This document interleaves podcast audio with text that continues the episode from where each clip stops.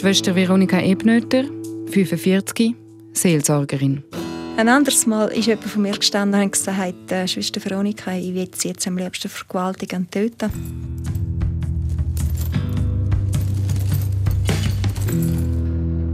Podcast.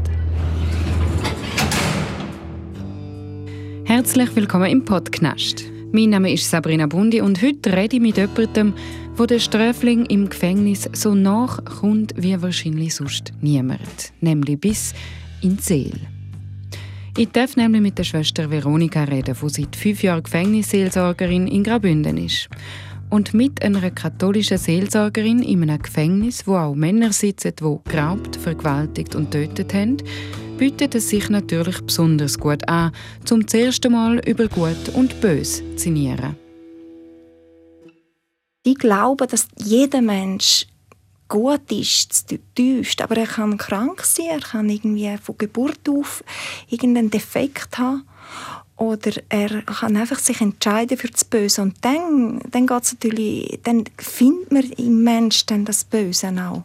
Sie hat mir noch eine schöne Metapher mitgegeben. Das Gute im Mensch sei wie eine Blume, wo aber kann zertrampelt oder zerdruckt sein. Trotzdem, die Blume sei immer noch da. Darum stempelt Schwester Veronika auch niemand als hoffnungslosen Fall ab, auch nicht nach der schlimmsten Geschichte, die sie schon gehört hat. Äh, nein, eigentlich nicht. Also es hat ähm, Delikte, wo wir sehr nachgehen, also alles, was mit Pädophilie zu tun hat. Wenn ich da ganz detaillierte äh, Deliktabläufe höre, der Täter, der die Tat wiederholt, mhm. also erklärt, versucht zu erklären, das geht sehr nach ähm, fast noch näher, als wenn jemand einen Mord aus dem Affekt heraus beschreibt, der auch sehr brutal ist. Aber ich habe noch nie den Moment wo ich gedacht habe, wow, das ist hoffnungslos. Oder ich mit meinem Glauben weiß, dass unter jedem menschlichen Abgrund die Hand Gottes ist. Wie reagieren Sie denn, wenn Sie so etwas hören? Probieren Sie denn ihrem Gegenüber so ein Pokerface aufzusetzen. Ich stelle mir das noch schwierig vor, wenn man sich zum Beispiel vielleicht sogar ein bisschen gruselt vor dem, was man hört, dass man dann da trotzdem kann vermitteln kann, nein, lass, ich lasse dazu, es ist, du kannst mir das jetzt erzählen, ohne dass ich die bewerte oder deine Tat bewerte. Zuerst ist wichtig die Unterscheidung, ähm, ja. erzählt er es mir, um die Tat nochmal durchleben, um sich nochmal irgendwie ergötzen an dieser Tat, dann muss ich sofort stoppen. Ähm, wenn aber jemand will das aufschaffen, wenn jemand ein, ein Mensch von seinem Vertrauen, in dem Fall ich als Gegenüber, reinholen will in, in das Delikt, um nicht allein zu sein dort, dann lasse ich erzählen und und dann versuche ich, dahinter zu schauen. Was ist dahinter? Warum hat er das gemacht? Und dort dort kommen dann auf die Not zu, die er vielleicht selber gar noch nie angeschaut hat, aber gespürt oder gespürt hat. Und dort äh, versuche ich, Mitgefühl zu zeigen. Das, das ist wichtig, dass man Empathie zeigt. Mitleiden kann Schwester Veronika drum so gut, weil sie das immer mit Rückenstärkung von Gott macht ich habe ja meinen Glauben, also ich gebe das ja wie weiter. Vielleicht nicht gerade im Moment, ist dann vielleicht nicht möglich, aber nachher, am Abend oder einfach nachher, übergebe ich das Gott. Und ich habe ja, ich habe ja ihn immer wieder dabei. Und dann, dann sinke ich nicht mit in den Abgrund, aber ich mhm. gehe, ich, ich, ich sage mal, in Knüllen in die Not. Aber dann auch dort Hand bieten, dass man wieder miteinander auch aufsteht. Und Jetzt frage ich so eine saloppe Frage, die ich aber nicht salopp meine. Fragen Sie auch viele Leute, warum lässt denn Gott überhaupt so etwas Böses zu? Ja, also diese Frage stellen mir viele Leute. Ähm, so einfach ist die, die Frage nicht zu beantworten. Aber ich versuche dann auch immer auf das Gottvertrauen hinzuweisen. Also wenn Gott gut ist, dann darf man ihm auch vertrauen. Aber ich versuche auch die Menschen aufzulupfen, haben eine Beziehung mit dem Gott, dann versteht man ihn auch mehr. Also was man mhm. kennt, lernt man auch. Und was man liebt, muss man nicht unbedingt verstehen. Man versteht es auf anderen Ebenen, wieso das Gegenüber so handelt, wieso das Gott so handelt. Und schlussendlich ist es ja eine Liebesbeziehung mit ihm. Und wer das eben nicht hat oder nicht pflegt, der kommt dann stellt sich so eine Frage und oft ist es leider so, dass sich die Frage nicht wirklich stellen, sondern es ist einfach dann eine Anklage, ohne wirklich eine Antwort zu suchen. Und da versuche ich damit zu differenzieren und einen Weg mit diesen Menschen zu gehen. Ist denn Verzeihen auch ein Thema? Also Gott verzeiht alles? Auch Mord und Vergewaltigung. Ja, also wir haben die Form, als Katholik haben wir die Form von der Beicht und wenn das mhm. jemand wünscht, kann man das organisieren. Wenn jemand das jetzt keinen Zugang dazu hat, wird es schwieriger, dann kann man ein Vergebungsbitt machen miteinander, dass man zusammen miteinander um Vergebung bittet. Apropos Vergebung, wie viele Chancen hat denn ein Mensch verdient? Oh, 7 mal 77, oder? äh, ich glaube, solange Gott gibt jedem Menschen, solange er lebt, auf dieser Erde gibt er die Chance bis in der letzten Sekunde. Bis in die letzte Sekunde. Das gibt einem doch noch die Hoffnung, dass man trotz dem Delikt nicht muss in der Hölle schmoren oder? Mich hätte noch interessiert, ob sich denn überhaupt viele Insassen Sorgen machen um ihre Seele, respektive um ihr Seelenheil. Das kann ich nicht beurteilen. Ich hatte aber schon Leute, die gesagt haben, ich komme sicher in die Hölle. Und dann versuche ich zu sagen, nein, das ist nicht das können wir nicht beurteilen. Aber wir können uns ab jetzt so verhalten, dass wir möglichst Chance haben, um eben nicht in die Hölle zu kommen. Dort einfach aufs Positive dann hinleiten. Und das sind nicht vielleicht eher die, also das kann man nicht gruppieren, zum Beispiel die Älteren haben ein bisschen mehr Angst um ihre Seele oder die, die etwas Schlimmeres gemacht haben, haben mehr Angst um ihre Seele? Ich glaube nicht. Also es ist mir jetzt nie so aufgefallen. Aber ich sage dann halt oft, ja, ich, ich schaufle euch schon in den Himmel mit meinem Gebet. Also wenn, dann tue ich dann auch so ein bisschen auf, lustige Art. Äh, mhm. Also mehr kommen da nicht vorbei. du so für euch beten. Das muss einfach lang. und mit ihrem Charme, ihrer Offenheit und der besonderen Liebe, wo sie jedem entgegenbringt und ausstrahlt, also die besondere Energie, wo auch mich ganz ehrlich gesagt schon seit dem Anfang vom Podcast verzaubert hat, wo ich aber nicht wirklich mit Wort kann beschreiben, wo aber einfach irgendwie von Grund auf gut ist, knackt sie auch jede noch so harte Nuss. Wenn ist so ein Moment, wo sie merken, oh, das tut mir jetzt wirklich leid? Man spürt es mehr. Also, mhm. Da kommen plötzlich äh, Tränen oder die Stimme verändert sich, äh, wird ganz anders, er, vom, er, sein Verhalten wird anders. Da merkt man mal, jetzt, jetzt, jetzt ist es ganz bei sich dort an dem Punkt, wo er merkt, er hat einen Misch gemacht und er bereut es, weil er sieht, was er angerichtet hat.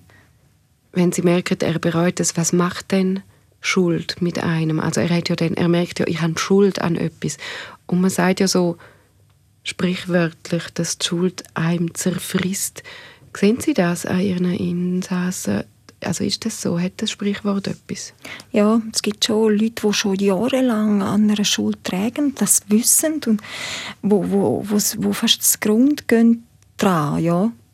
Aber eben dort versuche ich dann einzuhaken und, und dort dann auch die Hoffnung wieder reingehen. Da gibt es einen Weg raus man wird es nie vergessen, die eigene Schuld. Soll man auch nie.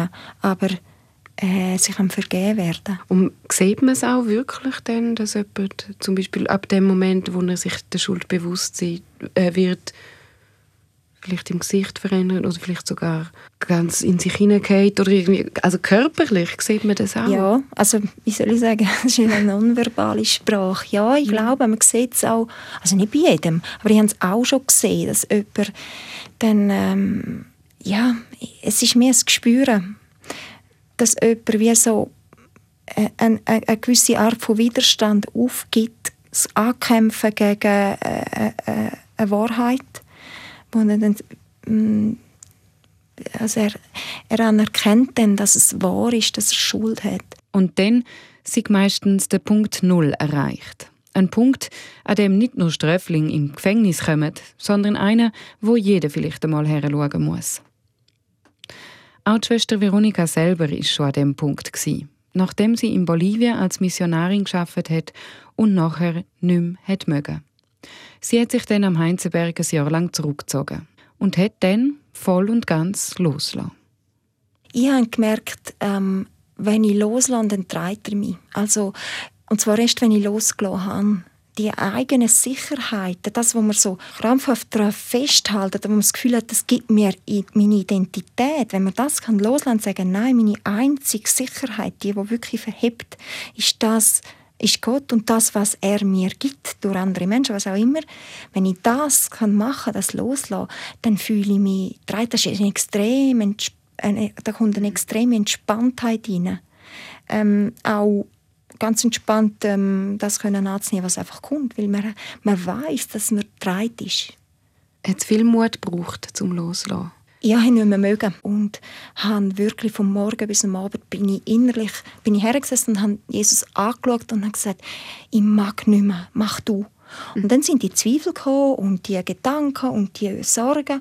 Und dann habe ich wieder, habe ich wieder gesagt, nein, ich, ich vertraue dir, ich, ich tue das nicht wegschieben, die Zweifel, aber ich stelle es wie neben mir her, wie einen Rucksack, wo mir einfach zu schwer ist, aber ich, ich werfe ihn nicht weg, sondern ich stelle ihn neben mir her. Und dann äh, also wie annehmen. Es gehört zu mir, es ist da, es ist eine Realität, aber ich muss mich nicht ähm, krampfhaft das, sondern ich kann sagen, Jesus, jetzt musst du helfen. Und das habe ich ein Jahr lang gemacht, von morgen bis am Abend. Und dort, dort habe ich das gelernt. Ist das wie eine Art Urvertrauenstraining, sozusagen? Ja, ich habe glaube das Urvertrauen nicht mitgekriegt von meiner Familie, aber ich versuche es möglichst äh, nachzulernen. Und im Glauben ist das von einer Art wieder möglich. Dass er mich trägt, es kommt schon richtig, wie es ist. Und wenn, wenn er mir halt, wenn ich, muss in, wenn ich ins kalte Wasser geworfen wird, er holt mich wieder raus. Also vielleicht verliere ich sogar das Leben, aber ich verliere nicht das, was wirklich wesentlich ist.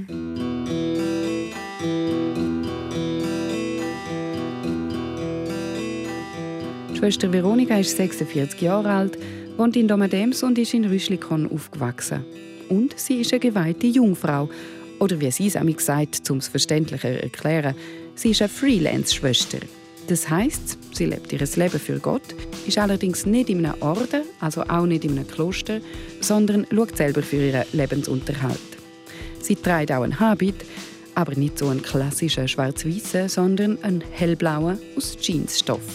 Und sie sieht ein bisschen aus wie da mein ungeschicktes Kompliment. Ein bisschen Audrey Hepburn unter den Nonnen. das Kompliment kommt darum, weil ich sie eigentlich fragen wollte. Sie sind ja eine sehr schöne Frau. Sind Sie nie angemacht worden von einem Insassen? Also man merkt schon, dass, ähm, dass sie manchmal Freude haben. Mhm. Sie haben aber sehr strenge Regeln. Das mhm. heißt, sie dürfen sich äh, gewisse Verhaltensweisen nicht erlauben und das wissen sie auch. Das strahlt ja aus, dass das äh, nicht dürfen. Und von dem her habe ich eigentlich nie ein Problem. Was zu spüren ist, ist, dass sicher sehr äh, von einer herzigen Art etwas hin und her fließt, wo, wo auch darf sein. Also mhm. so ein bisschen Spielen von dem, aber sehr, sehr, sehr im professionellen Rahmen. Also so wie ein kleiner Flirt sozusagen. Ja, aber sie, haben, sie wissen genau, dass ich Schwester bin. Für sie ist es viel einfacher. Sie flirten ja für sagen anders als mit einer Frau, die sonst jetzt im Gefängnis schafft, weil ähm, ich bin wie ähm, durch, mein, durch meine Kleidung und so äh, signalisiere ich, äh, ich bin keine Gefahr für euch, ich will nichts von euch auf dieser Ebene. Ähm, also dürfen sie auch ein bisschen mal sein, äh, ohne dass sie müssen, ähm, äh, sich beweisen oder so. Und das macht sie so auf eine, äh, zeigt sie so auf eine herzige Art. Mhm. Die andere Art, die sie ansprechend flirten, wie sie mit einer Frau sonst flirten, findet so bei mir ähm, selten statt. Und wenn, dann tue ich das sehr schnell stoppen auch. Haben Sie auch manchmal Lust, nicht Lust zum arbeiten und denken, oh, heute fühle ich mich irgendwie nicht wohl?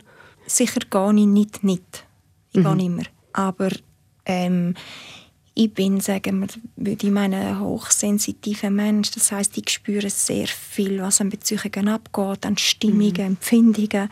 Und das macht es mir eigentlich nie leicht, an so einem Ort zu arbeiten. Sowohl, was sowohl die, äh, die Eingewiesenen betrifft, als auch die ganzen also alle Mitarbeiterinnen und Mitarbeiter. Ähm, das ist nicht leicht für mich.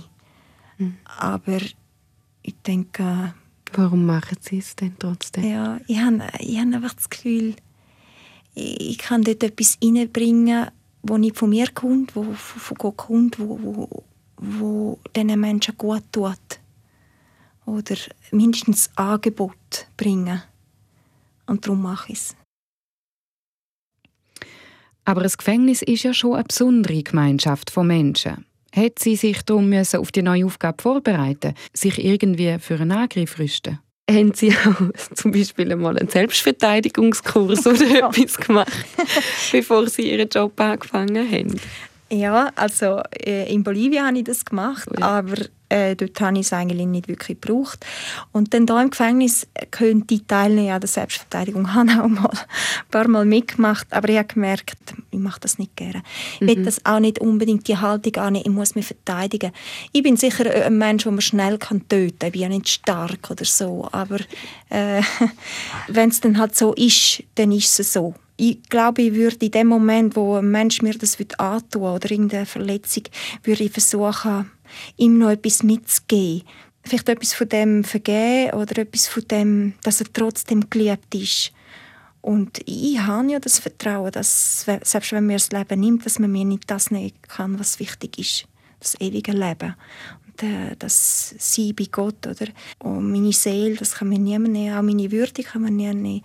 Aber ähm, ja, ich würde noch gerne im Gefängnis sterben. Es ist der Ort, wo mein Herzblut ist.